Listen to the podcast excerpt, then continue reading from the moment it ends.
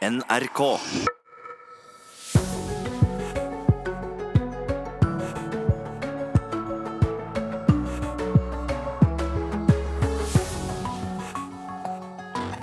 God morgen. USAs president har altså akkurat holdt sin State of the Union-tale, der han ba om mer politisk samarbeid og mindre konflikt. Og som du hørte i Dagsnytt, Trump sa også at USA hadde vært i en storkrig med Nord-Korea nå, hadde det ikke vært for ham.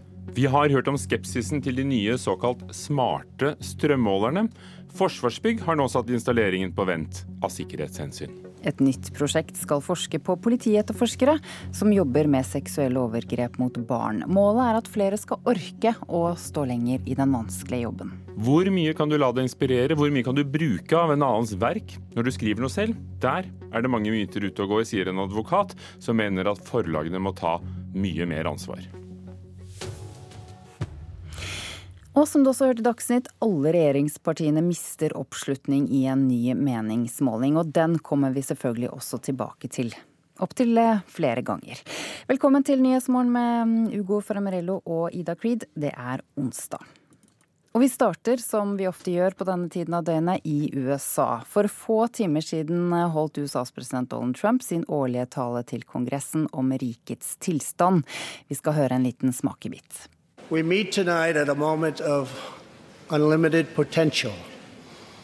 As we begin a new Congress, I stand here ready to work with you to achieve historic breakthroughs for all Americans. Millions of our fellow citizens are watching us now gathered in this great chamber, hoping that we will govern not as two parties, but as one nation.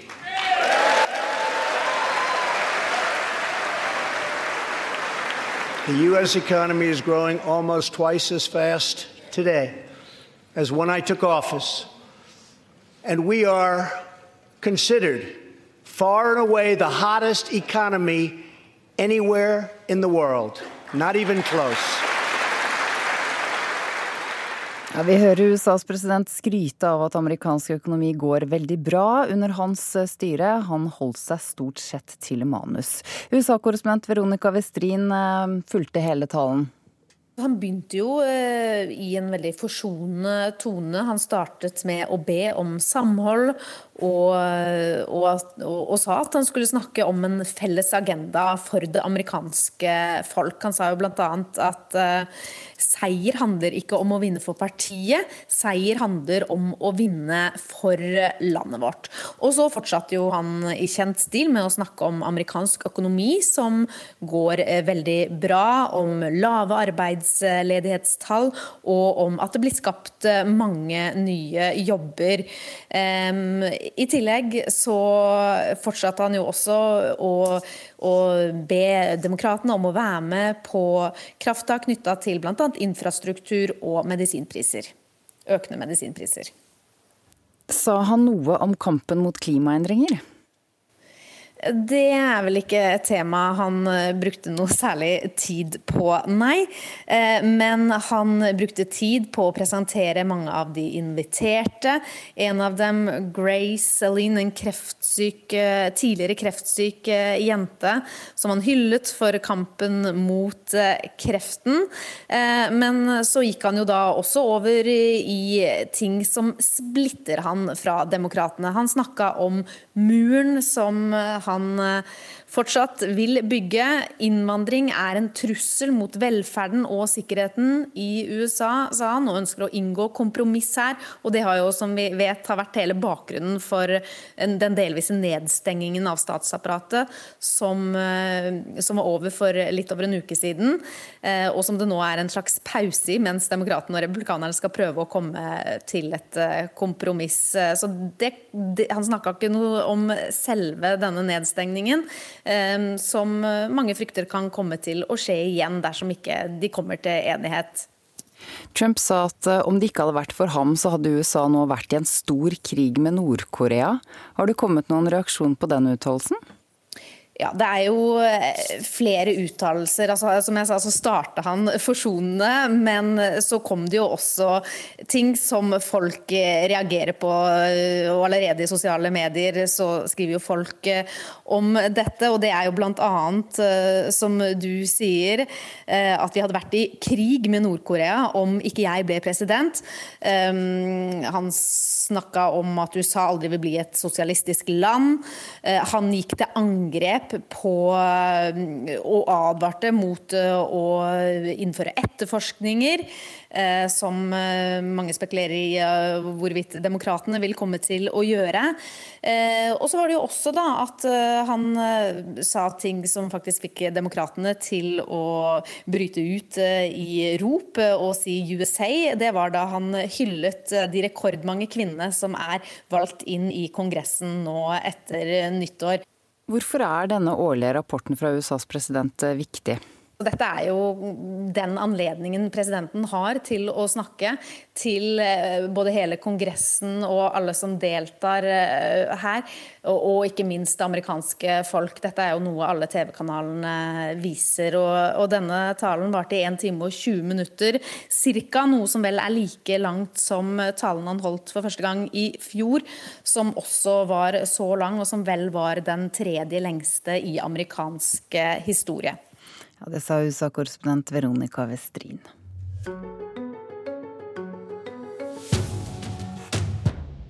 Det er jo mye usikkerhet knyttet til de nye smarte strømmålerne og hvilken informasjon de kan spre videre. Derfor har bl.a. Forsvarsbygg ennå ikke installert dem i sine anlegg. Vi må være sikre på at sensitiv informasjon ikke kommer på avveie, sier senioringeniør i eh, Forsvarsbygg, Terje Nersem. Mest sannsynlig så vil vi med hensyn til sikkerhetslovens uh, vurderingsgrunnlag unngå å ha AMS-målere på enkelte anlegg. Det sier senioringeniør i Forsvarsbygg Terje Nersem. Forsvarsbygg har fått utsettelse fram til 2020 med å installere de nye smarte strømmålerne. Nesjem sier de trenger mer kunnskap om AMS-målerne for å kunne bevare sikkerheten. Forsvarsbygg interesserer seg vel egentlig mest for det som er eh, utover allment kjent. Og vi må forsikre oss om at informasjon ikke kommer i konflikt med sikkerhetsloven. Også flere bygninger som eies av Statsbygg skal ikke ha installert de smarte strømmålerne. Kommunikasjonsdirektør hos Statsbygg, Hegen Njå Askim, sier det her er av sikkerhetsmessige hensyn. Altså det som skjer når du setter opp en automatisk strømmåler, er at du også får en, en, slags avmåling av forbruk av ulikt slag, som kan si noe om både hvor mange mennesker som er inne i et bygg, hva slags temperatur det er, selvsagt, hvor mye aktivitet det er, osv. Og, så og det er jo informasjon som ikke alltid skal ut til andre. Statsbygg vil ikke si hvilke bygninger det her gjelder, eller hvor mange bygg det er snakk om. Men av 780 eiendommer skal 712 av de her ha automatiske målere. Når noen av våre bygninger som vi har kraftavtale for, og som da skal sette opp automatiske måler, får unntak, så er det jo av sikkerhetsmessige hensyn. Det er i grunnen det det handler om, og detaljene i det kan jeg jo selvsagt ikke eh, kommentere. I løpet av fjoråret skal alle strømkunder i landet ha fått den nye måleren i hus. De her registrerer strømforbruket ditt hver time og sender informasjonen automatisk til nettselskapet. Guro Grøtterud, seksjonssjef for sluttbrukermarked i NVE, sier at informasjonen ikke skal kunne havne på avveie. Denne informasjonen, altså informasjonen som går igjennom uh, systemet med de smarte målerne, den er beskyttet. Eh, den skal foregå i et lukket eller ende-til-ende-kryptert nett. Eh, men så er det jo sånn at eh, ingen sikkerhetstiltak er absolutt uendelige, uansett hvilke preventive tiltak vi har, og som er, som, som, som er, der i dag, så vil det alltid være en teoretisk restrisiko for misbruk eller for tilgang til, til informasjonen. Og Det er nettopp denne risikoen Forsvarsbygg nå vurderer. De sier at de egentlig ønsker å bruke AMS-målerne, men at de er usikre på om viktig informasjon kan lekke ut. Vi leser jo om forskjellige typer scenarioer som kan forekomme i, i, pressen. Og det være seg uh, fjernavstengning eksempelvis. Men uh, vi mener å ha gode svar på hvorfor vi ikke skal det, og i så måte hvordan vi kan unngå det, men allikevel inneha AMS-funksjonen og, og, de funksjoner som eventuelt uh, kan bidra da, til at sektoren fremdeles kan oppnå våre effektivitetshensyn. Ja, du hørte til slutt senioringeniør Terje Nersem. Reporter var Julie Haugen Egge.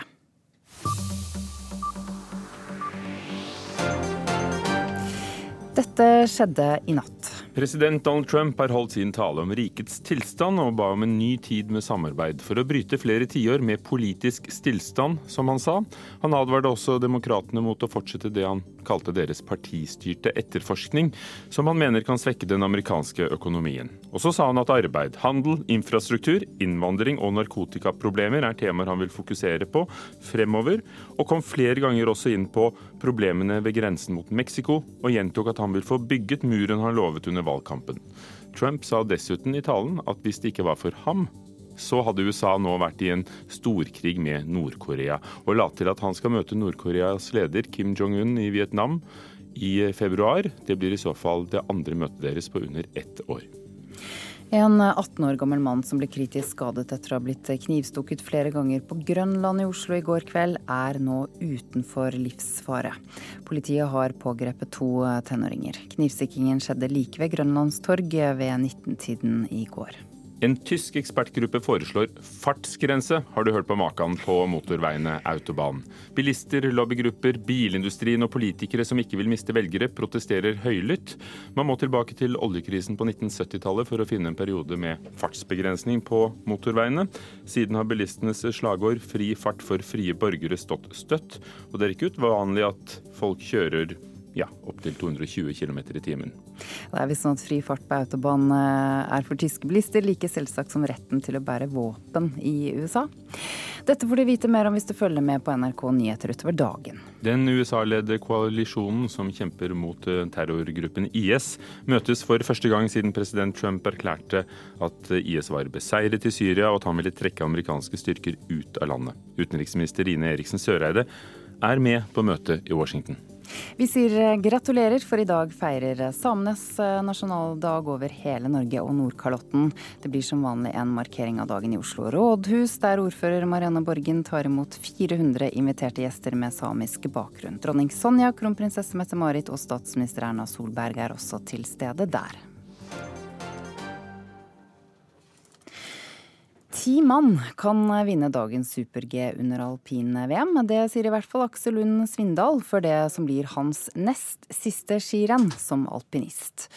Selv om det nå går mot karriereslutt for Svindal, har mannen med fem VM-gull fra før troen på at han kan hevde seg det som på forhånd er en veldig åpen super-G. Tenker super-G onsdag. Bra sjanse. Men akkurat det er det trolig mange som tenker. For på sesongens fem verdenscuprenn i super-G har vi fått like mange forskjellige vinnere.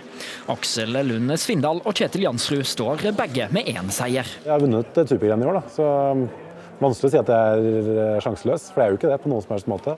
I tillegg til Svindals seier i Valgardena har Kjetil Jansrud én seier fra Beaver Creek.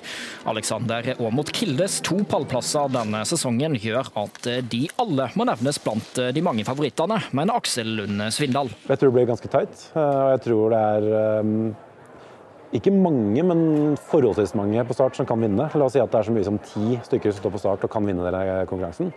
Og av de ti så er vi vel, la oss si vi er tre nordmenn. Da. Jeg håper og tror på et spennende renn. Um, og så vet jeg at det kommer til å bli både små marginer på tiden, men også underveis i løypa. Um, Superg er litt sånn at du må treffe, og du får det ene forsøket. Svindal har to skirenn igjen av sin karriere. I dag går altså det første av de to, og selv om kneet fremdeles skaper problemer, mener Svindal at den kommende karriereavslutninga kan hjelpe han under VM i året.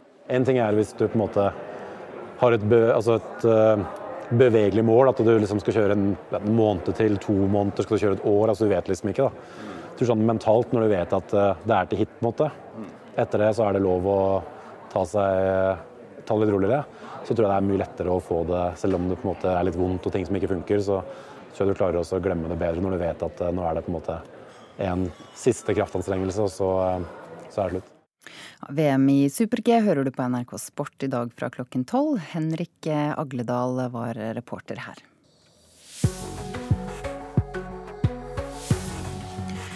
Klokken er blitt 6.47, det er Nyhetsmorgen du hører på. Vi har disse hovedsakene.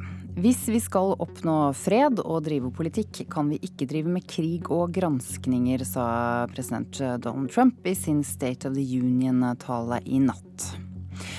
Alle regjeringspartiene her hjemme mister oppslutning i en ny måling som Norstat har utført for NRK og Aftenposten i februar.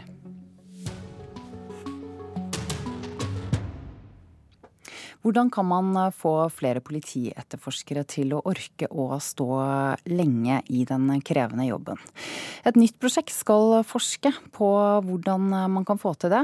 Prosjektet skal bl.a. fokusere på ulike mestringsstrategier eh, etterforskerne bruker for å håndtere belastningene det er ved å jobbe med slike saker.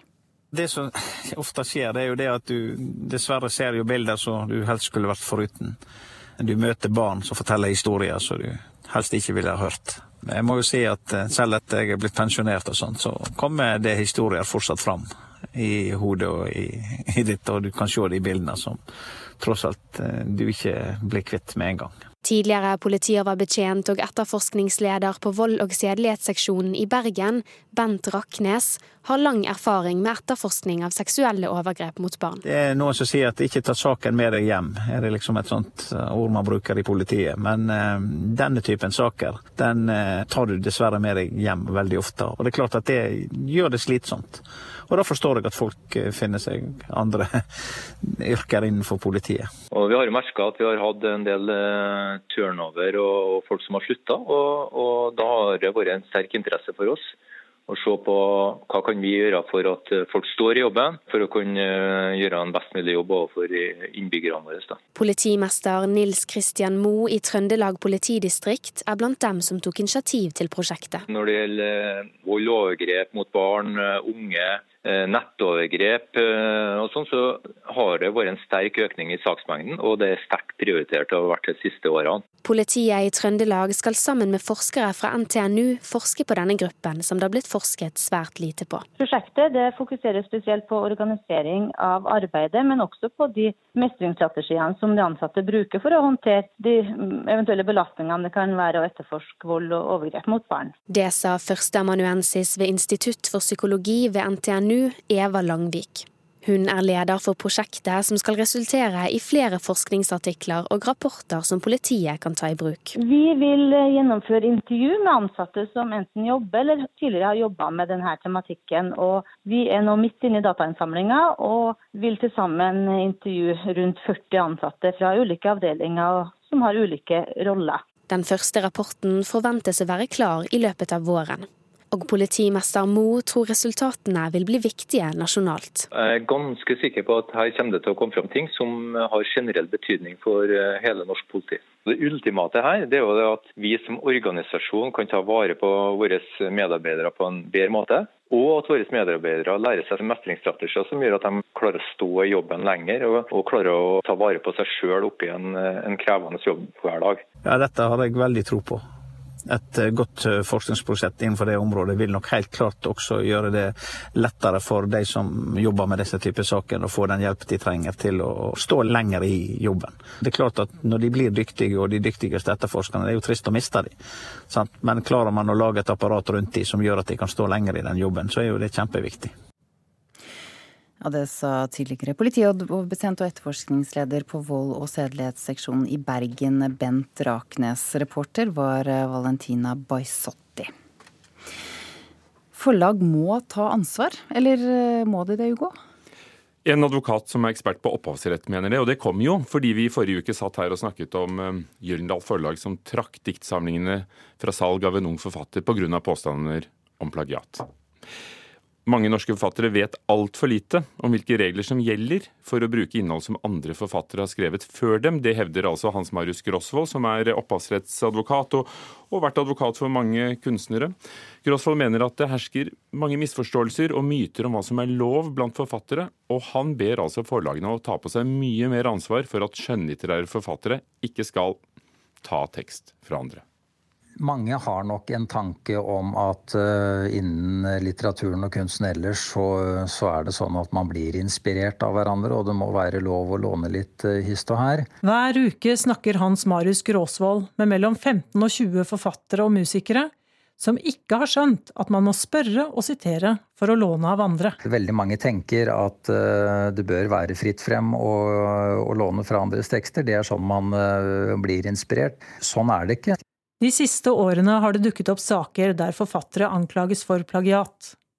Gråsvold mener forlagene tar for lite ansvar for å sikre at skjønnlitterære forfattere forstår hvordan opphavsretten fungerer. Og jeg syns kanskje også at forlagene i litt for stor grad velter det ansvaret ene og alene over på den enkelte forfatter. Vi treffer forfatter Tore Renberg på vei til forlagsmøte i Oslo.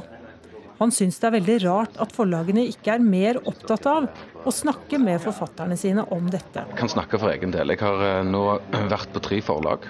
Og jeg kan ikke huske å komme inn i et rom og sette meg ned med en redaktør og få spørsmålet Tore, har du sitert noen tekster her som du ikke vet om, og som vi må kikke på? Jeg kan ikke huske at dette er en del av kulturen vår. Det jeg kan huske, det er at jeg bringer det til torgs. At jeg ønsker å sitere.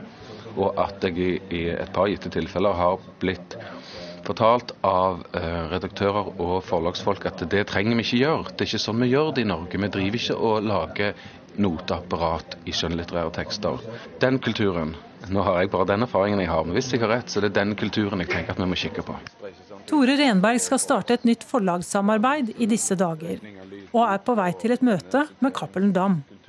Her møter vi også hans nye redaksjonssjef, John Erik Riley, som mener referanseliste passer i noen skjønnlitterære bøker, men ikke i alle. Man må ha en viss sånn redelighet og synlighet overfor leseren, men i noen tilfeller så er det jo nettopp poenget at man skal være i en skog hvor man ikke forstår alltid hva som er hva, men hvor det er helt tydelig for forfatterens side at det er sånn ment. Da forholder man seg deretter. Ja, men vi skal alltid være innenfor da, åndsverkslovens rammer, naturlig nok. da. Cappelen Dams rutine for å sjekke om forfattere har lånt tekst fra andre, beskriver John Erik Riley slik. Ja, altså Først og fremst så er det da den um, både engasjerte og gode redaktøren som er rutinen. Altså den som leser manuset, og som kan sin del av litteraturhistorien og følger med på samtidslitteraturen, og har et blikk for disse tingene. Redaksjonssjefen og hans nye forfatter kan få noen spennende diskusjoner fremover.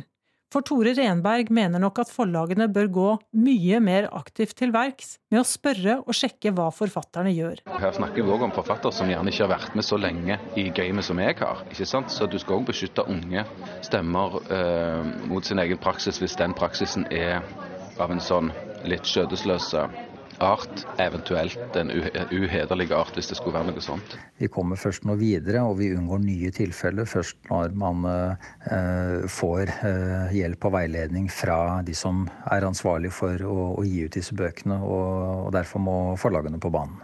Mener altså opphavsrettsadvokat Hans Marius Grosvold, reporter Elisabeth Grøndal. Så skal det handle om pengespillreklame. Hvis Storbritannia står uten en avtale med EU, innen slutten av mars. Altså en brexit uten avtale, som mange frykter kan skje i Storbritannia, så kan den norske regjeringen stanse all pengespillreklame på TV3 og TV Norge, skriver Klassekampen i dag. Frem til nå har kanalene kunnet sende reklame for pengespill, og har argumentert med EUs prinsipper om fri flyt av varer og tjenester, og de følger da vanlig britisk lovverk. Men det kan det altså bli en slutt på, hvis ikke Storbritannia får en EU-avtale. Det er blitt mer populært å joike, og det nyeste eksempelet er bandet Kaino med bl.a. rapperen Fred Buljo, som skal delta i årets Melodi Grand Prix.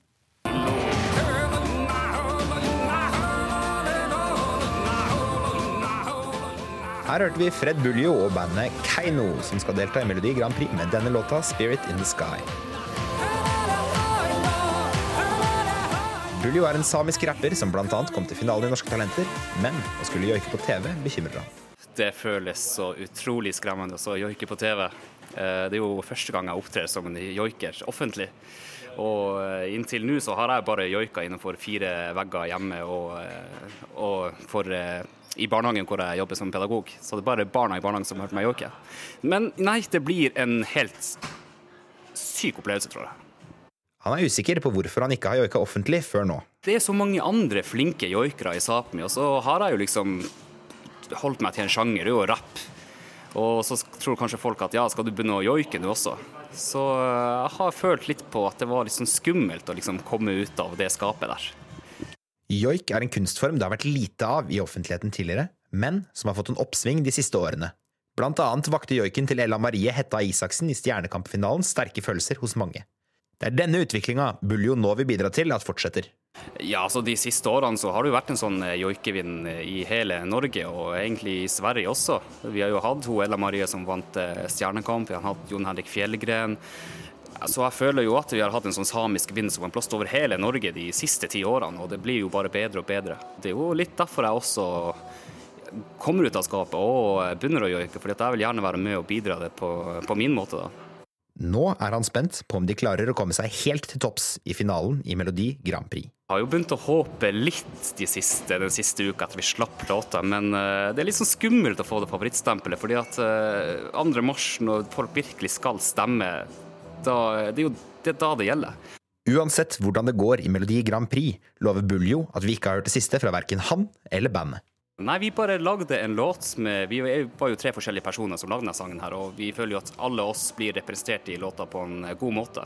Så jeg har ikke noen planer om å ta stafettpinnen fra Matti Sæther og bli Fred Bullik som kom på scenen og bare joika. Dette er jo bare først, den første sangen i en rekke av andre låter vi skal lage sammen i Keiino. Sa Fred Buljo, som um, er rapper i dag på samenes nasjonaldag, og reportere var Brage Li Jord og Sonja Uppahol.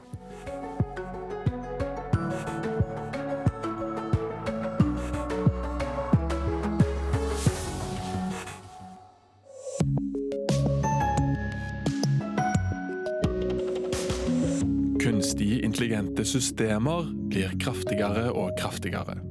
Men kan de overgå oss mennesker? Jeg satt jo hele vinter og i vår og skrev på en bok. Og det som jeg kjente på, var jo en veldig uro. Kommer kunstig intelligens til å ta over? Men, men, hvor langt frem? Vi har allerede begynt på den veien. Det vil antagelig bare øke på. Og, og, og øh, hvor fort utviklingen vil gå, det er veldig vanskelig å spå om. Verdibørsen klokken 13 på NRK P2. Ansiktsgjenkjenning skal tas i bruk i kampen mot arbeidslivskriminalitet. Donald Trump ber om mer samarbeid og mindre konflikt. Her er NRK Dagsnytt, klokka er sju.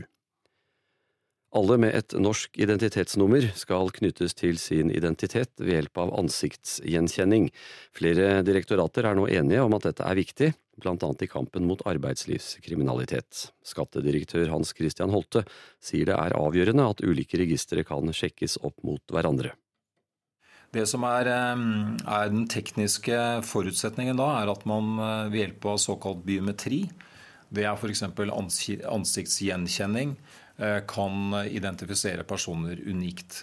Hvis man kan søke da i disse registrene eh, og, og, se gjennom ved hjelp av den datakraften vi har i dag, sjekke at her er det ingen andre forekomster av eh, den personen som nå står eh, overfor oss og vil ha et ID-nummer, da har man fått til en sånn unik identifikasjon. Hvis vi skal oppnå fred og drive politikk, kan vi ikke drive med krig og granskinger, det sa USAs president Donald Trump i sin tale om rikets tilstand. I tillegg til å be om mer politisk samarbeid og mindre konflikt, gjentok Trump også at han vil få bygget muren mot Mexico, som han lovet under valgkampen. Denne årlige presidenttalen i USA får alltid stor oppmerksomhet, sier korrespondent Veronica Westrin. Dette har jo vært en uh, tradisjon uh, som går uh, langt tilbake. dette er en tale der presidenten i USA skal komme med sitt syn på hvordan det går i landet, og også hva slags planer han, eller kanskje hun en gang i framtiden, har for tiden fremover. Så dette er jo den anledningen presidenten har til å snakke til både både hele Kongressen og alle som deltar eh, her, og ikke minst det amerikanske folk. En ung mann som ble kritisk skadd etter å ha blitt stukket med kniv flere ganger på Grønland i Oslo i går kveld, er utenfor livsfare. En 17-åring og en 19-åring er pågrepet for ugjerningen. Begge er godt kjent av politiet fra før. De to sitter i arresten og skal avhøres eh, i dag. Så har Statoil levert et resultat på 4,4 milliarder dollar fjerde kvartal i fjor. Rekordhøy produksjon og gode oljepriser bidro til resultatet fra Statoil, eller Equinor som selskapet nå kalles. Dette resultatet blir det mer om i nyhetssendingen utover morgenen, for å fortelle litt mer om hva dette betyr. NRK Dagsnytt, Anders Borgen Werring.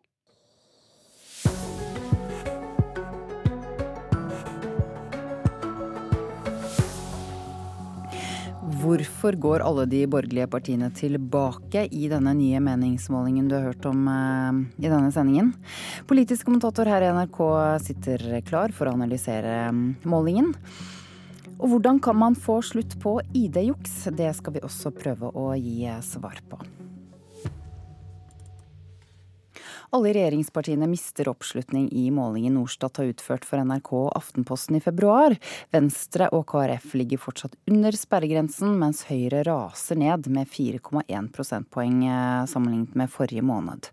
Nestleder i Høyre, Jan Tore Sanner, er ikke særlig fornøyd med tallene. Samtidig skal vi huske på at eh, det har vært en periode med mye diskusjon om enkeltsaker før vi fikk eh, den nye regjeringen på plass.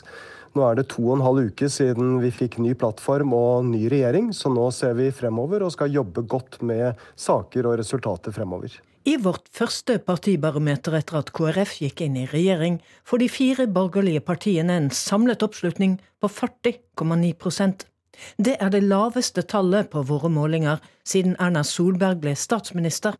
Høyre faller mest og får en oppslutning på 22,9 Frp får 12% tilbake 0,2 prosentpoeng. KrF får 3,4, tilbake 0,3. Venstre får en rekordlav oppslutning på 2,6% Det er en måling som, eh, som, er for dårlig. Nestleder i Venstre, Terje Breivik, tror partiet får svi fordi de har brukt mye tid på regjeringsforhandlinger. Og hatt mindre tid til å få marknadsført sosialliberal politikk. Vedvarende dårlige målinger vil ikke gjøre det aktuelt å revurdere strategien med regjeringsdeltakelse, ifølge Breivik. Venstre er en organisasjon som har null merksomhet retta imot eh, mot spekulasjoner i valgresultat. Nå, nå kan vi rapportere etter i fylkesårsmøtehelg i mer eller mindre hele landet. En svært entusiastisk eh, organisasjon og lokale folkevalgte som er mer enn klare til å starte valgkampen Arbeiderpartiet får en oppslutning på 29,2% i målingen, en fremgang på 1,9 prosentpoeng sammenlignet med målingen i januar. Rødt får 4,8% og er over sperregrensen for første gang siden i fjor høst. Målingen gir regjeringspartiene 69 mandater i Stortinget, mens Arbeiderpartiet, Senterpartiet og SV til sammen får 90. Plusser vi på ni fra Rødt og én fra Miljøpartiet De Grønne, blir tallet 100.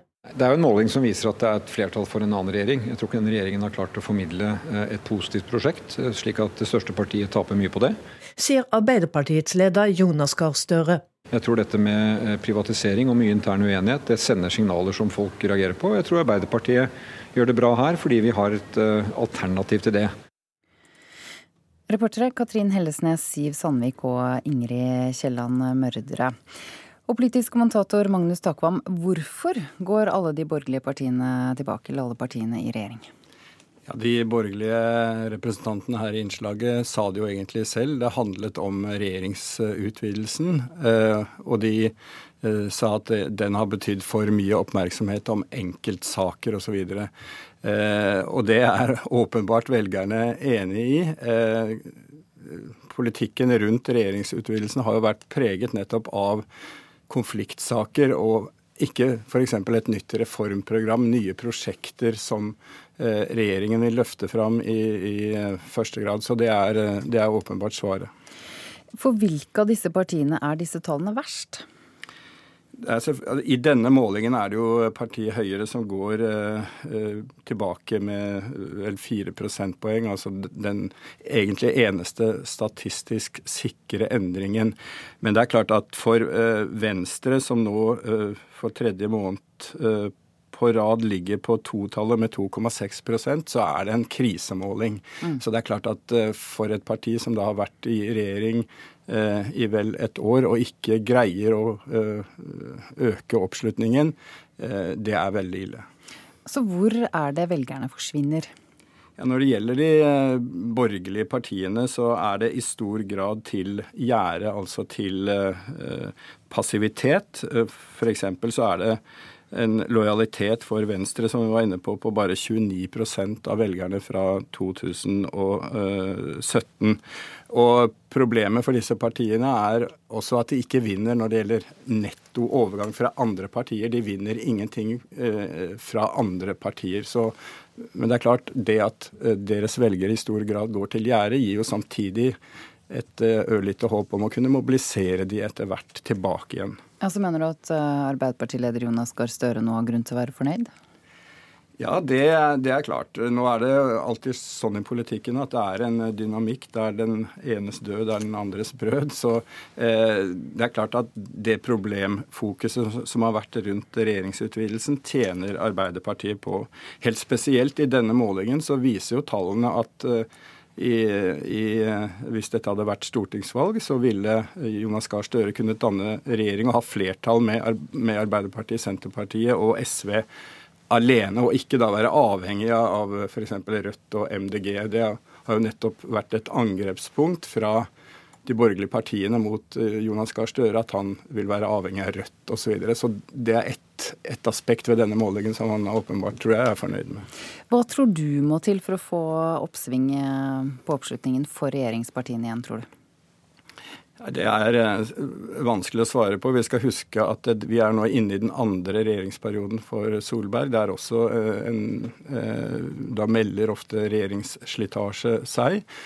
Og det som i hvert fall er utfordringen for disse fire partiene i en flertallsregjering, er at det veldig lett blir slik at skal f.eks. de to sentrumspartiene markere seg og vokse, som jo er er nødvendig for dem for å kunne ha håp om, om, å få valgseier, så går det ofte på bekostning av et annet parti i alliansen. Altså at de har en type samarbeidsmodell eh, der det er en sånn kompromisshandling eh, kompromisshandling eh, eller eh, som gjør at, at nettopp det er en utfordring. Takk, Magnus Takvam. Programleder for Politisk kvarter i dag, Bjørn Myklebust. Ehm, hun du inviterte kunne ikke komme i dag. Statsminister Erna Solberg kunne ikke komme. Og det er veldig dumt, fordi vi har så mye å spørre om. Dette er mitt forslag, ikke FrPs, sa hun om en omstridt del av regjeringsplattformen. Om at vi kan betale for en ny fregatt uten at det syns på budsjettet. Mm. Og det krangles åpenlyst om bistand mellom KrF og Eh, Frp, som også sitter i regjering. Hvem av dem har rett, hadde jeg lyst til å spørre om. Men siden Solberg ikke kunne komme, snakker vi om henne isteden. Og for han som nettopp reiste seg gikk, han kan du alltid stole på. ja, det, og et par andre. Ja, det er helt sikkert. Ja. Så skal dere også snakke om denne meningsmålingen? Da, vi kommer nok innom det, og det ligger jo som en slags sånn grunnlag for det hele. Ja, takk. Politisk kvarter kommer som vanlig om litt over en halvtime klokken 7.45.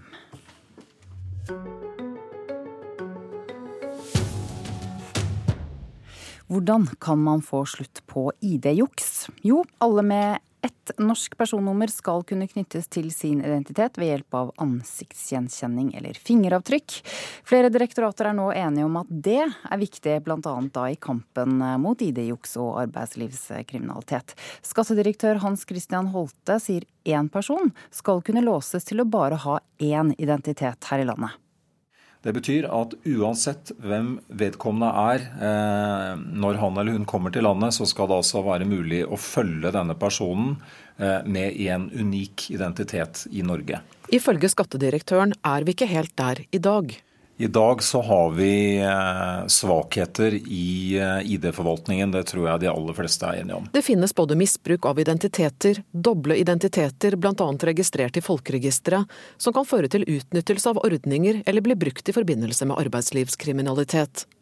Holte sier måten å komme dette til livs på, er å koble opplysninger om biometri opp mot personnummer. Det som er, er den tekniske forutsetningen da, er at man eh, ved hjelp av såkalt biometri, det er f.eks. ansiktsgjenkjenning, kan identifisere personer unikt. Hvis man kan søke da i disse registrene eh, og, og, se gjennom ved hjelp av den datakraften vi har i dag, sjekke at her er det ingen andre forekomster av eh, den personen som nå står eh, overfor oss og vil ha et ID-nummer, da har man fått til en sånn unik identifikasjon. Her har vi et uh, palestinsk reisedokument. Per Haddal er leder for dokumentseksjonen ved Nasjonalt ID-senter. Hvert år gransker de mellom 1000 og 2000 dokumenter på oppdrag for politi og utlendingsmyndigheter. Om lag 11% av dokumentene som i fjor ble undersøkt, viste seg å være falske. Ofte får de spørsmål om underlagsdokumenter som ligger til grunn for utstedelse av pass, sier Haddal. Sånn at uh, et pass som, er, som, har høy sikkerhet, som er vanskelig å forfalske vanskelig å reprodusere, uh, kan være utstedt på grunnlag av uh, en en lefse av et dokument. Det er derfor viktig at personer som kommer til Norge, blir registrert med rett identitet første gang de registreres. Det sier Tone Oppdal, leder for Nasjonalt ID-senter. Det at identiteten er låst, betyr jo ikke at den er rett. Ehm, det er viktig å sikre at de som registrerer personene inn i registrene, gjør det på en god måte, sånn at det er riktig identitet som kommer inn. For når du først har skaffa deg en biometrisk bekrefta falsk identitet, da har du fulle tilganger til alt i det norske samfunnet. Ifølge regjeringen skal nye nasjonale ID-kort med biometri være på plass til neste år. Men ordningen gjelder ifølge Hans Christian Holte bare norske borgere. Det er eh, mange utlendinger som er i den situasjonen at de ikke får eh, sikre ID-papirer. Det trenger de for å både ivareta sine rettigheter og, og, kunne stå til ansvar som deltaker i det norske samfunnet. Slik at å få på plass eh, sikker identitet for alle, inkludert også de som ikke er norske statsborgere, det er viktig. Skattedirektøren skal snakke mer om dette temaet på konferansen til Norsk senter for informasjonssikring, NorSIS, i Oslo i dag. Reporter Kristine Næss Larsen. Og da har vi fått i studio Arne Isak Tveitan. Du er seksjonssjef for ID-seksjonen i Avdeling for politifag i Politidirektoratet. Velkommen. Tusen takk. Hva syns du om den løsningen som skattedirektøren foreslår, altså å knytte ett norsk identitetsnummer til én identitet? Ja, Dette er en av veldig mange av de løsningene vi jobber for å finne ut av. Og i samarbeid nå med bl.a. Skattedirektoratet og andre sentrale etater, så skal vi finne fram til løsninger som gjør at vi når de målsettingene vi har satt oss. Og det er at én uh, person skal ikke kunne operere med flere identiteter her i Norge. Men burde ikke det være helt selvsagt? Jo, det høres veldig selvsagt ut. Men det viser seg det at uh, det er mange dessverre som utnytter muligheter for å opptre med flere identiteter. Men på hvilken måte vil eh, dette vi hørte om da bidra i denne kampen mot ID-juks eh, og annen arbeidslivskriminalitet? Ja, Det er som Holte sier, og det er det vi i politiet nå jobber for, å etablere en ordning med nasjonale ID-kort som skal lanseres til neste år. Det vil nok skape en helt annen uh, mulighet, tror vi. Og der er også biometriløsninger knytta til identifisering til det kortet. Kan ikke du bare forklare litt hva, er, eh, hva går den der biometriløsningen ut på?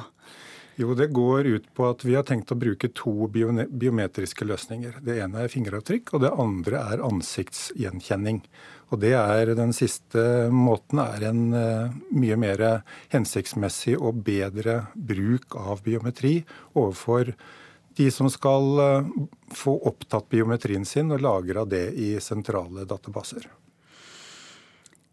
Vi hører eh, i innslaget her at eh, Nasjonalt ID-senter er bekymret for det de kaller ID-kjedens svakeste ledd, nemlig utsendelsen av pass og ID-kort, som jo kan bygge på underlagsdokumenter som ikke er like godt beskyttet mot forfalskning. Så hvor alvorlig er det dersom man klarer å skaffe seg en biometrisk bekreftet falsk identitet? Jo, det er selvfølgelig alvorlig, for da kan du gjennom en eh, biometrisk identitet opptre i samfunnet med en helt annen identitet enn den du egentlig er født og oppvokst med. Og Det kan gjøre da at eh, f.eks. i det internasjonale perspektivet etterlyste forbrytere, andre personer som eh, samfunnet forsøker å holde unna den holde unna kriminell aktivitet i samfunnet, kan plutselig fremstå som en helt annen person som har i utgangspunktet et rent rulleblad, f.eks. Ja, Det er komplisert det der. Neste år så skal også nye pass og ID-kort eh, basert på, på, fingeravtrykk og ansiktsgjenkjenning være klart for norske borgere. Men tror du at eh, alle kommer til å skaffe seg disse kortene? Ja, det blir jo eh, et oppdrag som blir litt utfordrende. Fordi at loven om nasjonale ID-kort legger opp til frivillighet. Og Derfor så må kanskje samfunnet, hvis vi skal få den kontrollen som er ønskelig på ID-jukset i samfunnet, så må det nok eh, settes i gang noen insentiver for å stimulere til at mennesker i samfunnet har ønske om å få det nasjonale ID-kortet. Da kan vi på en mye enklere og grei måte få kontroll på ID-en til befolkningen som oppholder seg her i Norge. Men den nye løsningen gjelder ikke for utlendinger, i hvert fall ikke foreløpig, og kanskje kommer heller da ikke alle nordmenn til å registrere seg. Hvor sikker blir løsningen da, hvis den ikke omfatter alle? Nei, Det vil nok alltid være rom for at dette skal bli sikrere, men dette er en utmerket start. Og jeg tror etter hvert som fokuset rundt ID-forvaltningen i Norge er så økende som man er, så tror jeg at eh, flere og flere vil eh, tenke som så at hvis man kan beskytte seg også mot ID-juks, så vil nok flere tenke som så at det er lurt å gå til politiet og få ID-kortet som er nødvendig. Ja, det hørtes ikke dumt ut. Dette skal du og flere diskutere mer på Nordsis-konferansen som altså starter i dag. Takk for at du kom, Arne Isak Tveitan, seksjonssjef for ID-seksjonen i Avdeling for politifag i Politidirektoratet.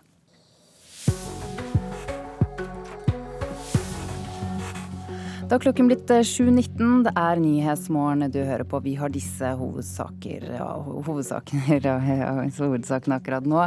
Som du akkurat hørte, ansiktsgjenkjenning og fingeravtrykk skal tas i bruk i kampen mot ID-juks. Og USAs president Donald Trump ber om mer samarbeid og mindre konflikt. Ja, og det er det vi skal eh, til nå. USAs president Donald Trump ba om mer politisk samarbeid og mindre konflikt i sin tale om rikets tilstand i natt. Trump gjentok også at han vil få bygget muren mot Mexico, som han lovet under valgkampen.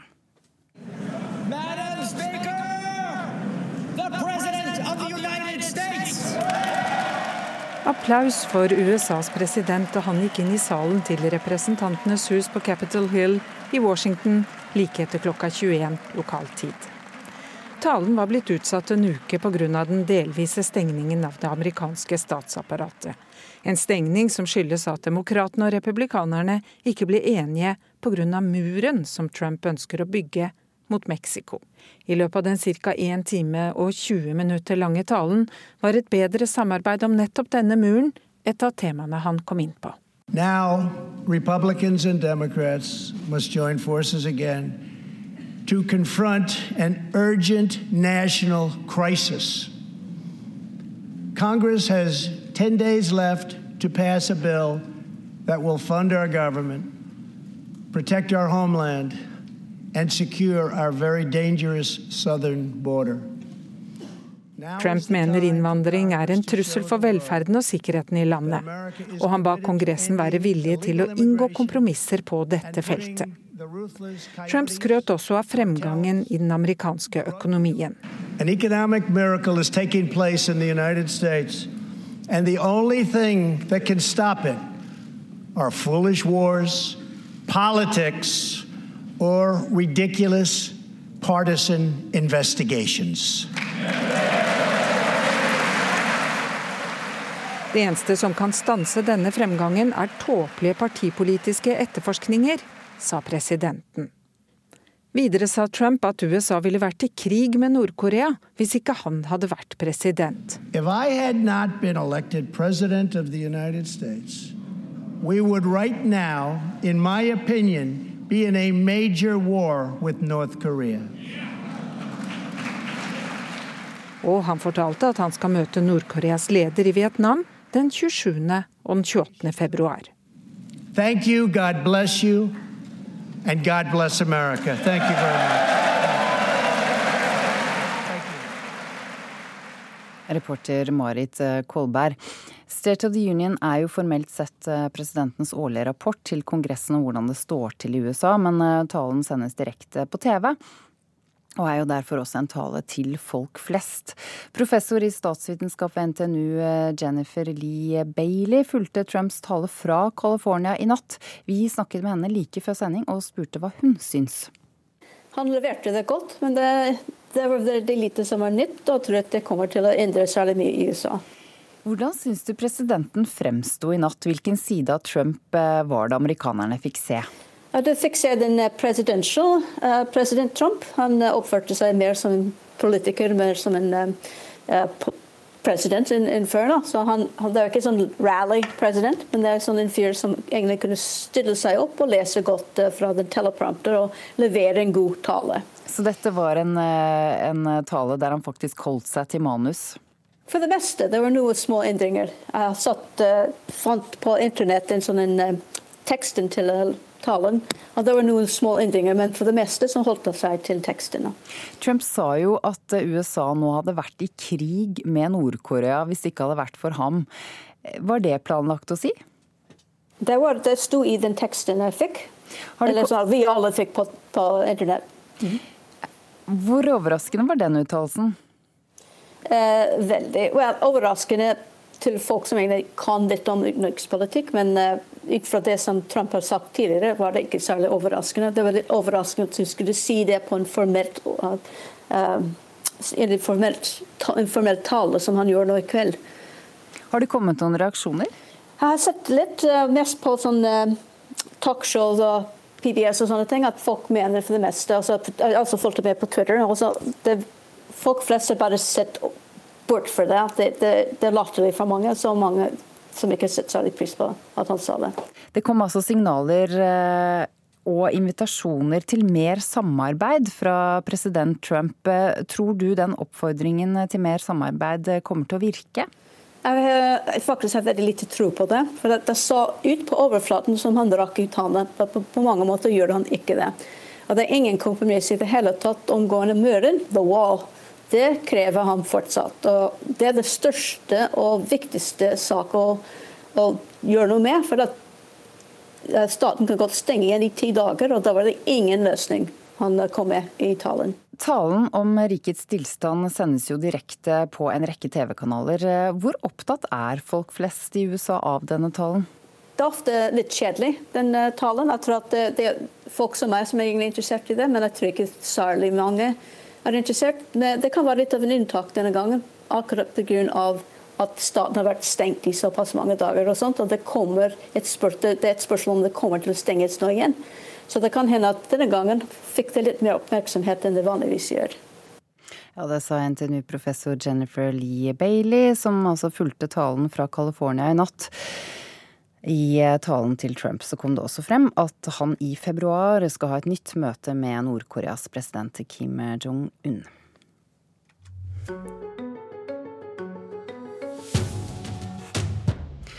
Å bruke teknologi i undervisningen kan gjøre underverker for motivasjonen til elevene. Det sier forsker og høyskolelektor Ellen Romstad ved Høgskolen i Østfold. Som lærer har hun fulgt den digitale utviklingen med PC og nettbrett i skolen tett, og høyskolelektoren er ikke i tvil. iPad gjør det morsommere å lære. Og ute i klasserommene knekkes lesekoden raskere enn før. En yacht. En yacht er en stor båt. Timene går nærmest som en lek i første klasse på Hjortsberg skole i Halden. Hvor var det vi skrev om pysjen? Seksåringene holder på å lære seg alfabetet, og denne uken jobber de med bokstaven Y. Blyant og papir er lagt bort. Elevene har funnet fram iPaden sin. Skal de lese det som har i seg, så det som slutter i. Den kan jeg gjøre. Hva syns du om å bruke iPad i klasserommet? Vi er vant med det, og det er morsomt. Hva bruker du iPaden til? Um, til å lære bokstaver og telle. Ja, denne paden har rett og slett blitt et viktig hjelpemiddel i undervisningen, forteller lærer Therese Ståhl Paulsen. Vi både skriver med den, vi spiller på den, vi bruker den som et hjelpemiddel. Det blir en helt egen måte å tilpasse og tilegne seg kunnskap på. Istedenfor å sitte felles i samling og høre på, så sitter du med høretelefoner og får det rett inn på øret ditt. Du kan skrive der hvor du er, alle skriver like pent, og det er gøy. Etter at vi begynte å få mer nettbrett, iPad, digitale skjermer, så har vi fått opp en hel elevgruppe som kanskje før var passive. Sier høyskolelektor Ellen Romstad ved Høgskolen i Østfold. Hun har forsket på nytten av det å bruke digitale verktøy i undervisningen. Og skal vi tro henne, er en iPad til førsteklassingen en svært god idé. Før tenkte vi skrive- og leseprosessen på en måte, fordi vi hadde ikke denne lydstøtten. Vi hadde ikke muligheten til å la elevene koble lyd som de hører, mot bokstaven de ser på et, en skjerm eller et ark. Nå har vi den muligheten, og det gjør også at vi kan tilpasse undervisningen på en helt ny måte.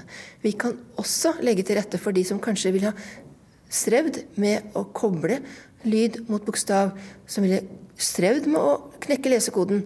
Vi har spill i dag, vi har apper i dag som virkelig motiverer og gjør læringen både morsom, men også at det er læring. De spiller seg til læring, og de leker seg til læring. Dette praktiseres altså for fullt ved Hjortsberg skole, og med stort hell. Bl.a. knekkes lesekoden raskere nå enn før. Fordi du får leseglede. Og leseglede er jo alfa og omega når det kommer til å knekke noen koder eller knekke ting i det hele tatt. Gjør du det med glede, så er det jo bare gøy. Hvis du gjør det ved å presse og tvinge, så blir det kjipt. Ja, til, til, slutt, Nesten til slutt så hørte du Therese Ståhl Paulsen, som er lærer i første klasse på Hjortsberg skole. Reporter i Halden var Siv Marianne Strømbekk. Du hører på Nyhetsmorgen på DAB pluss på nettet eller på mobilen din. Equinor, tidligere Statoil, la frem resultat nå på morgenkvisten klokken sju for snart en halvtime siden. Resultatet er viktig fordi det er Norges største selskap, og vi skal spørre vår økonomikommentator hvordan det går med lønnsomheten i olje- og gassbransjen. Og om det kanskje er noen tegn på det grønne skiftet et eller annet sted der.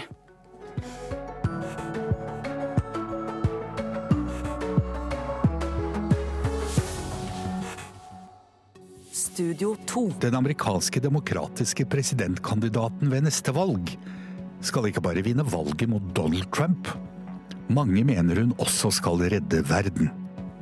Om det blir en kvinne eller mann. Afroamerikaner eller hvit, ung eller gammel. Kandidaten får en tung bør på skuldrene. Men hvem blir det? Studio 2 klokken 16 til 18. Studio 2 på NRK P2.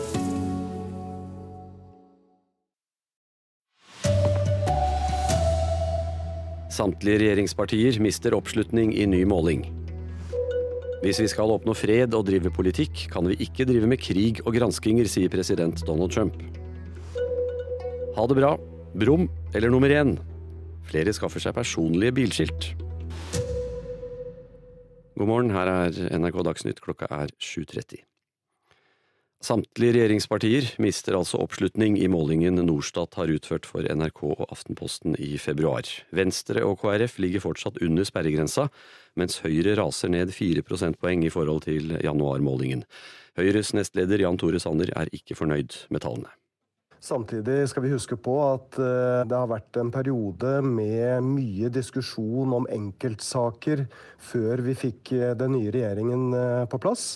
Nå er det to og en halv uke siden vi fikk ny plattform og ny regjering, så nå ser vi fremover. I vårt første partibarometer etter at KrF gikk inn i regjering, får de fire borgerlige partiene en samlet oppslutning på 40,9% Det er det laveste tallet på våre målinger siden Erna Solberg ble statsminister. Høyre faller mest og får en oppslutning på 22,9% Frp får 12% tilbake 0,2 prosentpoeng. KrF får 3,4, tilbake 0,3. Venstre får en rekordlav oppslutning på 2,6 Det er en måling som, eh, som, er for dårlig. Nestleder i Venstre, Terje Breivik, tror partiet får svi fordi de har brukt mye tid på regjeringsforhandlinger. Og hatt mindre tid til å få marknadsført sosialliberal politikk. Målingen gir regjeringspartiene 69 mandater i Stortinget, mens Arbeiderpartiet, Senterpartiet og SV til sammen får 90. Plusser vi på Rødt og Miljøpartiet De Grønne, blir tallet 100. Det er jo en måling som viser at det er et flertall for en annen regjering. Sier Arbeiderpartiets leder Jonas Gahr Støre. Jeg tror dette med eh, privatisering og mye intern uenighet det sender signaler som folk reagerer på. Jeg tror Arbeiderpartiet gjør det bra her fordi vi har et uh, alternativ til det. Reportere Katrin Hellesnes, Siv Sandvik og Ingrid Kielland Mørdre. Ja, politisk kommentator her i NRK, Magnus Takvam. Hvorfor går alle de borgerlige partiene tilbake? Det er jo velgernes dom over den prosessen som har vært i forkant av regjeringsutvidelsen, det er det ingen tvil om. Og i denne enkeltmålingen rammer jo det særlig statsministerpartiet Høyre, som har en tilbakegang på vel 4 prosentpoeng. Den eneste egentlig statistisk sikre tilbakegangen. Men det er jo svært alvorlig for et parti som Venstre, som får 2,6 og bekrefter eh, krisemåling eh, i denne ene målingen. Og det er en kjempeutfordring selvfølgelig for Trine Skei Grande. Hvor er det velgerne forsvinner hen? I stor grad blir de borgerlige velgerne passive og går opp eh, til eh, gjerdet. Eh, og det er det håpet de kan ha, nemlig å kunne da mobilisere dem tilbake etter hvert, som, som også Sanner snakket om her. Takk skal du ha, politiske kommentator her i NRK, altså Magnus Takvam. Så til eh, USA. President Donald Trump eh, ba om mer politisk samarbeid og mindre konflikt i sin tale om rikets tilstand i natt. Trump eh, gjentok også at han vil få bygget muren mot Mexico, som han lovet under valgkampen.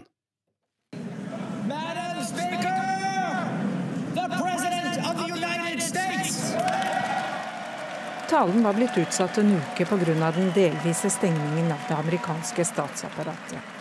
En stengning som skyldes at demokratene og republikanerne ikke blir enige pga. muren som Trump ønsker å bygge mot Mexico. I løpet av den ca. 1 time og 20 minutter lange talen var et bedre samarbeid om denne muren et av temaene presidenten kom inn på. Now, Republicans and Democrats must join forces again to confront an urgent national crisis. Trump skrøt også av fremgangen i den amerikanske økonomien. An economic miracle is taking place in the United States, and the only thing that can stop it are foolish wars, politics, or ridiculous partisan investigations. Videre sa Trump at USA ville vært i krig med Nord-Korea hvis ikke han hadde vært president. Og han fortalte at han skal møte Nord-Koreas leder i Vietnam den 27. og den 28. februar. If I had not been elected president of the United States, we would right now, in my opinion, be in a major war with North Korea. Reporter er Marit Kolberg. Alle med et norsk personnummer skal knyttes til sin identitet ved hjelp av ansiktsgjenkjenning eller fingeravtrykk. Flere direktorater er nå enige om at dette er viktig, annet i kampen mot arbeidslivskriminalitet. Skattedirektør Hans Christian Holte sier én person skal kunne låses til å ha bare én identitet i Norge. Det betyr at uansett hvem vedkommende er, eh, når han eller hun kommer til landet, så skal det altså være mulig å følge denne personen med med en unik identitet i Norge. Ifølge skattedirektøren er vi ikke helt der i dag. Det finnes både misbruk av identiteter, doble identiteter bl.a. registrert i folkeregisteret, som kan føre til utnyttelse av ordninger eller bli brukt i forbindelse med arbeidslivskriminalitet. Holte sier måten å komme dette til livs på, er å koble opplysninger om biometri opp mot personnummer. Det som er, er den tekniske forutsetningen da, er at man eh, ved hjelp av såkalt biometri, det er f.eks. ansiktsgjenkjenning, eh, kan identifisere personer unikt. Men det at identiteten er låst, det betyr jo ikke at den er rett. Det sier Tone Oppdal, leder for Nasjonalt ID-senter. Hvert år gransker de mellom 1000 og 2000 dokumenter på oppdrag for politi og utlendingsmyndigheter. Det er viktig at personer som kommer til Norge, blir registrert med rett identitet første gang de registreres, sier Oppdal. Når du først har skaffa deg en biometrisk bekrefta falsk identitet, da har du fulle tilganger til alt i det norske samfunnet. Ifølge regjeringen skal nye nasjonale ID-kort med biometri være på plass til neste år. Men ordningen gjelder ifølge Hans Christian Holte bare norske borgere. Flere av disse utfordringene de, eh, de må finne sin løsning eh, eh, så raskt som mulig, men der har de ikke satt en dato ennå. Reporter her, Kristine Næss Larsen. Norges største selskap har lagt fram tall i dag. Equinor-sjef Eldar Sætre sier at de vil sette produksjonsrekord på norsk sokkel i 2025. Oljeselskapet tjente nesten 160 milliarder kroner før skatt i fjor, og det er nærmere 50 milliarder kroner mer enn året før. Nei, Det er jo et uh, veldig godt resultat. Eh, det er uh, også en veldig sterk kontantstrøm, ikke minst, for året. Og uh, vi leverer rekordhøy produksjon. Allikevel noe mindre enn analytikerne hadde ventet? Noe mindre for kvartalet, men ser vi på året som helhet, så leverer vi bedre enn vi hadde lovet på alle, alle parametere. Og vi peker også fremover i dag, da. Og ikke minst norsk sokkel spiller en veldig viktig rolle i dette. Så vi ser jo faktisk i 2025 den høyeste produksjonen vi noen gang har hatt fra, fra norsk sokkel. Det sa konsernsjef i Equinor, Eldar Sætre, og dette her blir det mer om i Nyhetsmorgen rett etter eh, Dagsnytt. Så skal vi høre at stadig flere biler kjører rundt med personlige bilskilt eh, her til lands. Nordmenn brukte i 2018 over 17,5 millioner kroner på å skaffe seg personlige bilskilt, blant annet eh, denne karen her. Skal vi starte den? Skal vi høre lyden? I garasjen på Lepsøy utenfor Bergen har bilentusiast Stian Daa Børnes en bil med et noe utradisjonelt bilskilt. Det, det, ligger, det, ligger, liksom i hele sakens natur det at eh, er det noe bakom her og de får tid til å lese skiltet, så er det bare å ha det bra. Det er bare tenkte situasjoner, selvfølgelig. Det er det. På bilskiltet til Stian står det altså nå 'ha det bra'. Han er en av 1600 som har fått registrert et personlig bilskilt i 2018. Etter at ordninga kom for to år siden, har nesten 7000 biler i Norge bytta ut nummer og tall med symbolikk og humor i bilskilter. Men det er noen ord som ikke blir godkjent, sier Heidi Øvre i Statens vegvesen. Altså, I utgangspunktet så er det jo ord som kan oppleves som støtende. Banneord, kjønnsord, støtende kallenavn. Som for eksempel hva da? Nei, altså Kjønnsord er det vel ganske lett forklarlig, men f.eks. bitch vil vi jo ikke akseptere. Så det får masse oppmerksomhet? Ja, iallfall eh, skiltet. Syns ikke at det er litt harry? Jo, det er akkurat passe harry. Det skal være bitte litt harry eh, hele veien. Det er folkelig, så det liker vi. Så kan vi også ta med at Overskuddet som Statens vegvesen får inn på disse bilskiltene, er øremerket trafikksikkerhetsprosjekter. Reporter Helena Victoria Johnsen. Arild Svalbjørg har ansvaret for NRK Dagsnytt i dag. Jeg heter Anders Borgen Werring.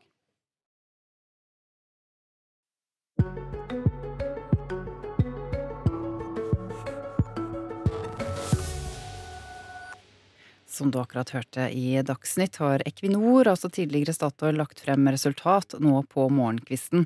Equinor-sjef Eldar Sætre sier at de kommer til å sette produksjonsrekord på norsk sokkel i 2025. Og Cecilie Lange Becker, økonomikommentator her i NRK, hvorfor er akkurat dette resultatet så viktig?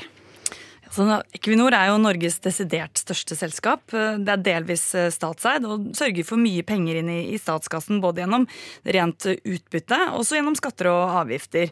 I tillegg så er det en veldig veldig stor eh, arbeidsgiver. Så, så hvordan det, det, går i dette selskapet er da ikke helt uvesentlig for verken statsfinanser eller for veldig, veldig mange som jobber det. Så hva vil du trekke frem eh, fra resultatet som kom da klokken sju?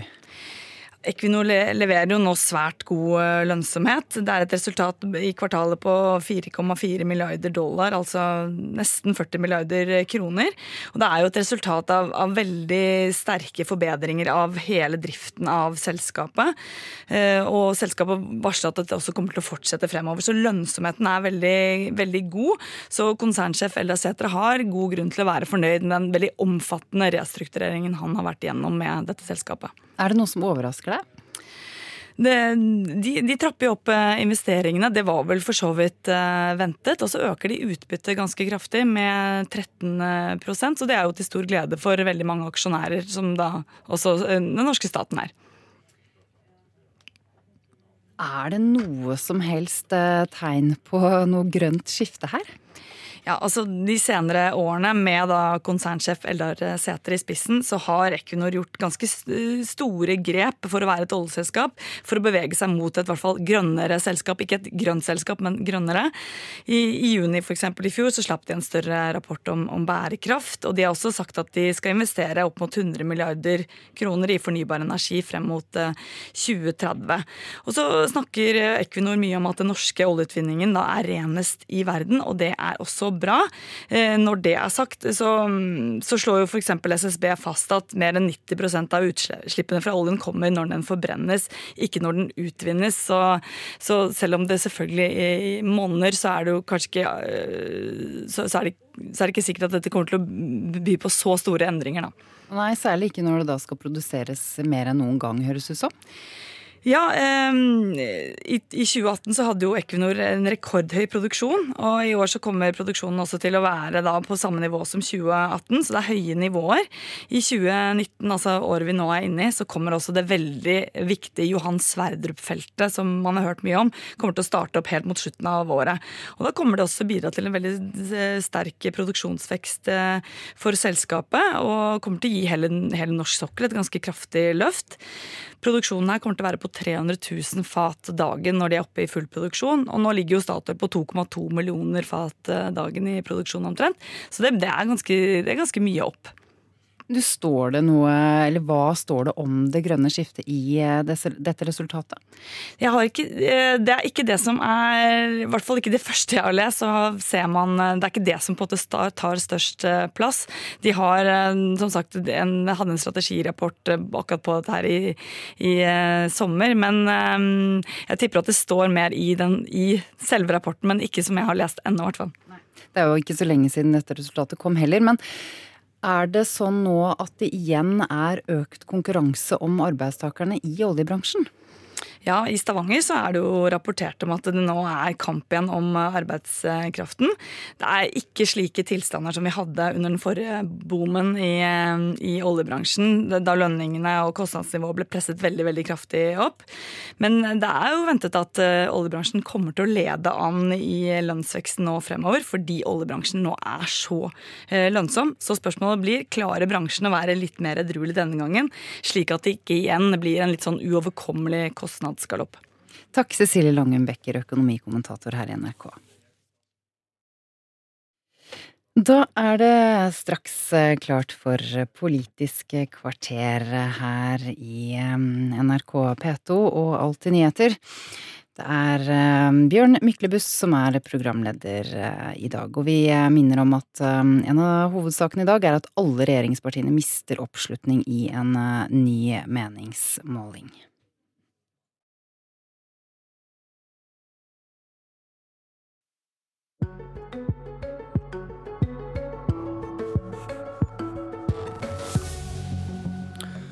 Høyre synker på målingene, om enn ikke like dypt som Helge Ingstad.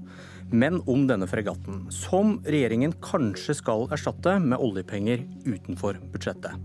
Dette er mitt forslag, det er ikke et Frp-forslag, sier Erna Solberg plutselig. Men hva var det Frp svarte da de fikk spørsmål om hvem sin seier dette var i regjeringsforhandlingene?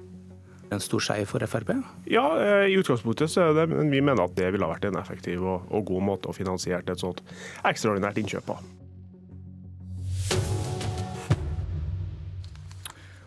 Og Vi skulle gjerne hørt Erna Solberg fortelle sagaen om Helge Ingstad og handlingsregelen nå, men hun kunne dessverre ikke komme i Politisk kvarter. Men følg med, hun må komme til Stortingets spørretime klokken ti i dag. Regjeringen åpner altså for å bygge nytt regjeringskvartal å kjøpe en ny fregatt uten å prioritere det som en del av det vanlige statsbudsjettet. Dette er mitt forslag, det er ikke et Frp-forslag.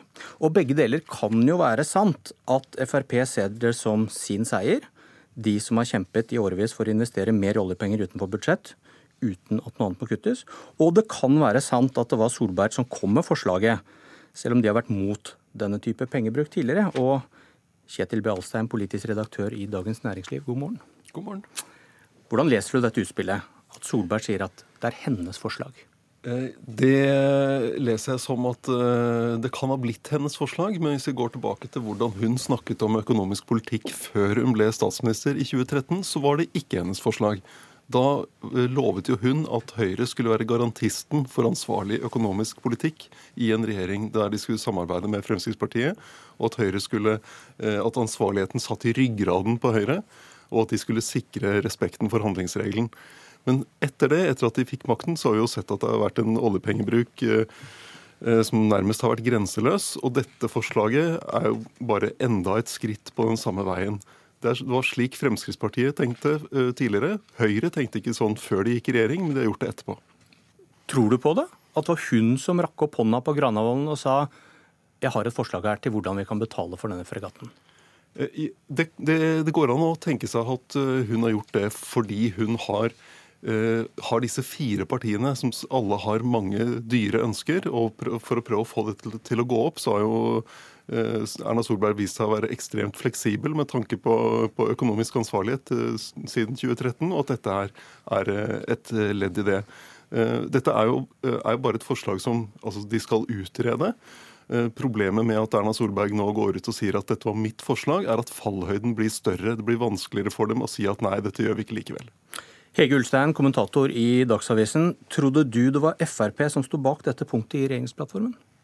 Ja, Det ville jo vært eh, det naturlige, sånn som vi kjenner Frp. Vi husker jo f.eks. da de lanserte Nye Veier, som er en fiffig konstruksjon for å, for å finansiere samferdsel. Så sa jo daværende samferdselsminister Kjetil Solvik-Olsen at det, det, var kanskje ikke et uh, så tydelig brudd på handlingsregelen, men de hadde gitt opp kampen mot handlingsregelen av den grunn. Så det er ikke noe stor hemmelighet i norsk politikk at Frp er veldig kritisk eh, til den regelen og ønsker å pushe mye mye mer oljepenger inn i norsk økonomi. Og sånn sett, når de da kommer opp med, med det forslaget her, så tenker man jo veldig lett at det Erna sitter og tenker, er jeg ville ikke brukt akkurat de pengene.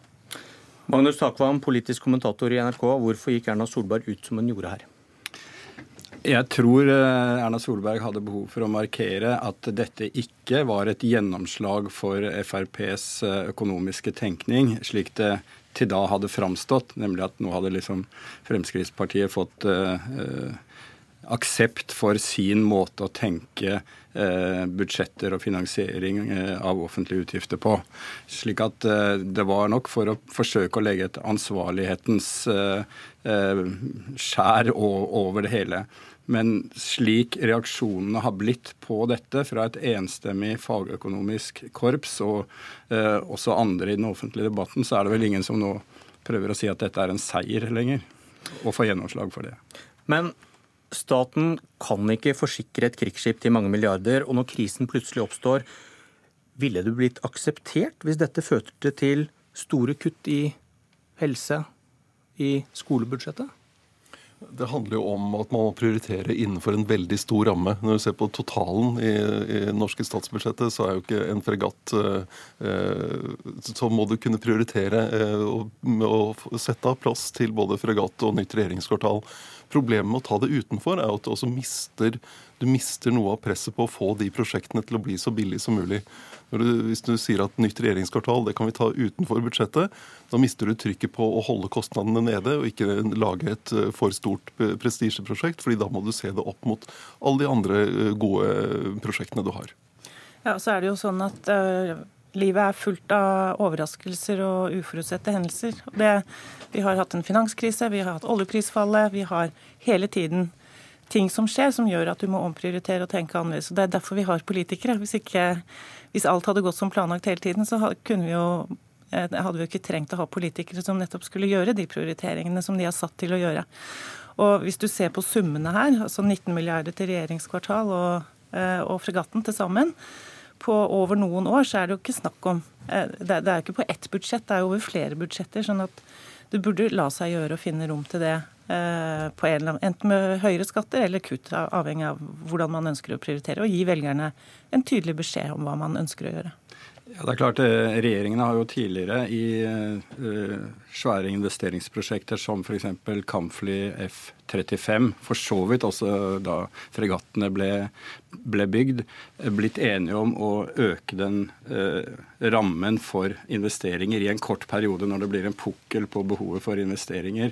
Men har, det har f.eks. skjedd i, i F-35-saken, der nesten 30 milliarder ekstra er blitt finansiert over ti år på den måten.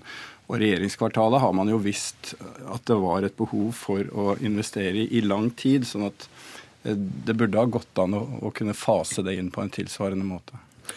Politikken er uansvarlig, forsvaret for den er uverdig, skrev du Alstheim, og grunnen var dette sitatet fra statsministeren.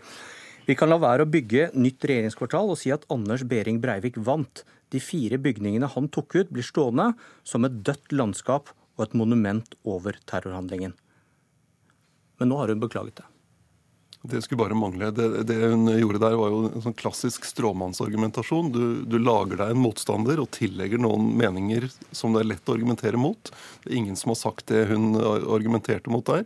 Det ville være som å, å, si, eh, å svare henne med å si at eh, at det regjeringen nå foreslår, betyr at terroristen greide å sprenge handlingsregelen. Det ville vært, vært like fordummende i den debatten, og det syns jeg ikke en statsminister skal drive med.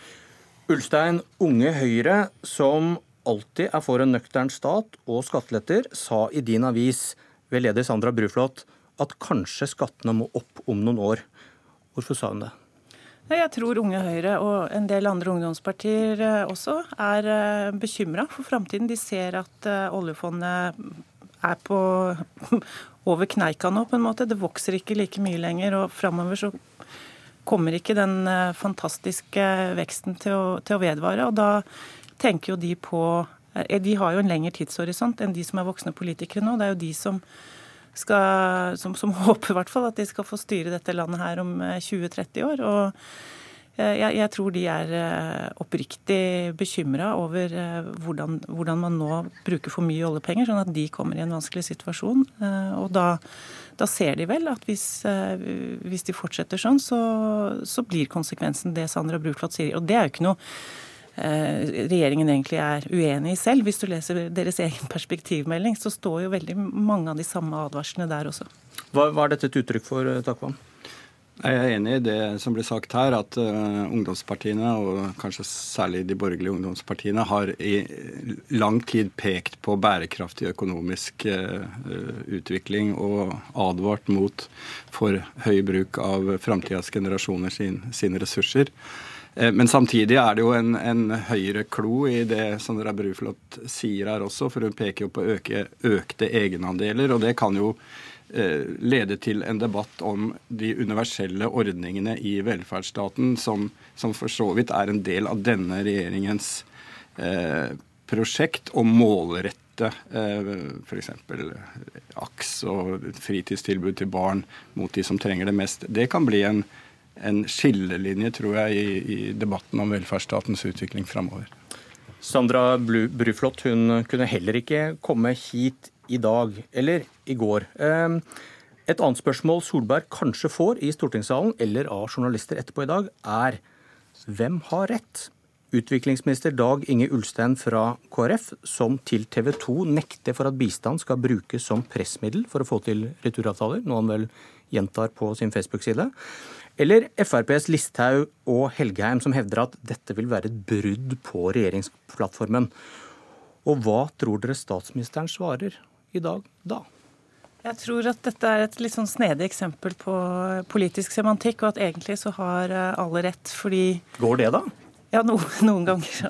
Denne regjeringen her er jo ganske flinke til å si mange ting på en gang, har vi sett eh, i mange år. Men, men eh, det, det Ulstein sier, som for øvrig ikke er i veldig nær slekt med meg, ehm, er jo at, eh, at man ikke skal true med å ta inn bistand. Mot, trekke tilbake. Trekke tilbake mot, eh, mot returavtaler. Mens det regjeringen eh, har gjort før, bl.a. Listhaug og, og Gøran Kalmyr, da de dro ned til, til Etiopia og Kenya og Sudan, var jo at de sa at hvis disse landene inngikk returavtaler, så kunne de få mer bistand. Og hvis du ser på det Facebook-innlegget til Ulstein, så ser du at det han skriver er jo litt Altså Du kan tenke deg at man da kan si hvis dere inngår denne avtalen, vi eh, blir enige om at dere skal ta imot så og så mange, så kan vi gi dere mer bistand, og så kan man kalle det et eller annet med å hjelpe dem i nærområdene. ikke sant? At man skal bygge opp et eller annet for at de skal eh, bli bedre i stand til å ta imot disse flyktningene. Så jeg tipper at det er noe sånt Erna Solberg kommer til å svare hvis hun får det spørsmålet i dag. Og verken Frp eller KrF eh, ville snakke om dette hos oss i går. Men punktet da i om dette er pisk eller gulrot, som du, du drøfter her, punktet lyder Regjeringen vil bruke Norges posisjon, bl.a. som bistandsyter, til å sikre flere returavtaler og øke aksept for prinsippet om at alle land har plikt til å ta imot egne borgere. Hvordan leser du dette, Alstheim? Nei, Det er at de skal eh, koble bistanden til returavtaler. Og om du da gjør det på og så blir spørsmålet hvordan de gjør det. Om de gjør det som en trussel, at vi trekker tilbake pengene, eller om de sier at uh, dere får penger hvis dere tar imot, tar imot flere. Og det ligger jo også i det, det Ulstein skriver på Facebook, en, en, mulighet for en vridning i bistanden. At du vrir bistanden mot at det skal hjelpe land med, som han skriver da, bygge opp sin migrasjonsforvaltning, folkeregistrering eller systemer for utsendelser av pass og ID-papirer. Altså at du bruker norsk bistand for å gjøre dem i stand til å ta imot egne borgere. Så, så effekten av dette kan jo eh, er de da åpenbart enige om, nemlig at skal, eh, bistanden skal spille en rolle i, i arbeidet med retur. Djevelen ligger i semantikken. Eh, Takvam, man ender jo med noen ganske harde fronter her. KrF mm. mot, eh, mot Frp ganske tidlig etter at de har signert denne plattformen. og hva er, dette et uttrykk for?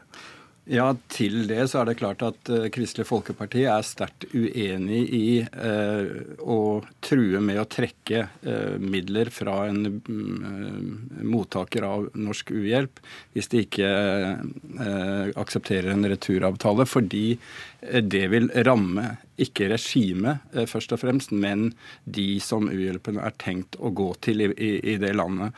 Så det er en viktig politisk skillelinje som, som du er inne på. Og uh, Ulstein gjentar jo i sin Facebook-melding i går at han står fast på at slik tolker han regjeringsplattformen. Så her må rett og slett kanskje Erna Solberg klare opp i hva regjeringen står for i, i spørretimen i dag. Og så var det Erna Solberg. Eh, vår måling og Aftenpostens måling i dag viser at Høyre mister 4 prosentpoeng. Litt samme tendens i en VG-måling og i målinger litt over tid. Hvordan eh, leser du dette, Alsheim? Hvis du ser på regjeringspartiene samlet, så er det jo, er det jo ikke sånn at dette, denne regjeringsutvidelsen har skapt noen begeistring. Det tror jeg vel det er riktig å si. Eh, og det er jo særlig Kristelig Folkeparti og Venstre som sliter. Og, og Fremskrittspartiet gjør det jo heller ikke godt. Så det er jo et eh, regjeringslag som samlet sett eh, starter på et lavt nivå. Ja, og det, det, vi ser er jo at velgerne til Høyre i hvert fall setter seg, setter seg på gjerdet. Og det er jo kanskje ikke rart. Jeg syns i hvert fall det er vanskelig å se hva som er det store prosjektet til denne regjeringen. Hva er det Erna Solberg vil med den makten hun nå har fått? Det tror jeg mange lurer på. Takk Ulstein, takk Alsheim og takk Vam. Dette var Politisk kvarter. Jeg heter Bjørn Myklebøst.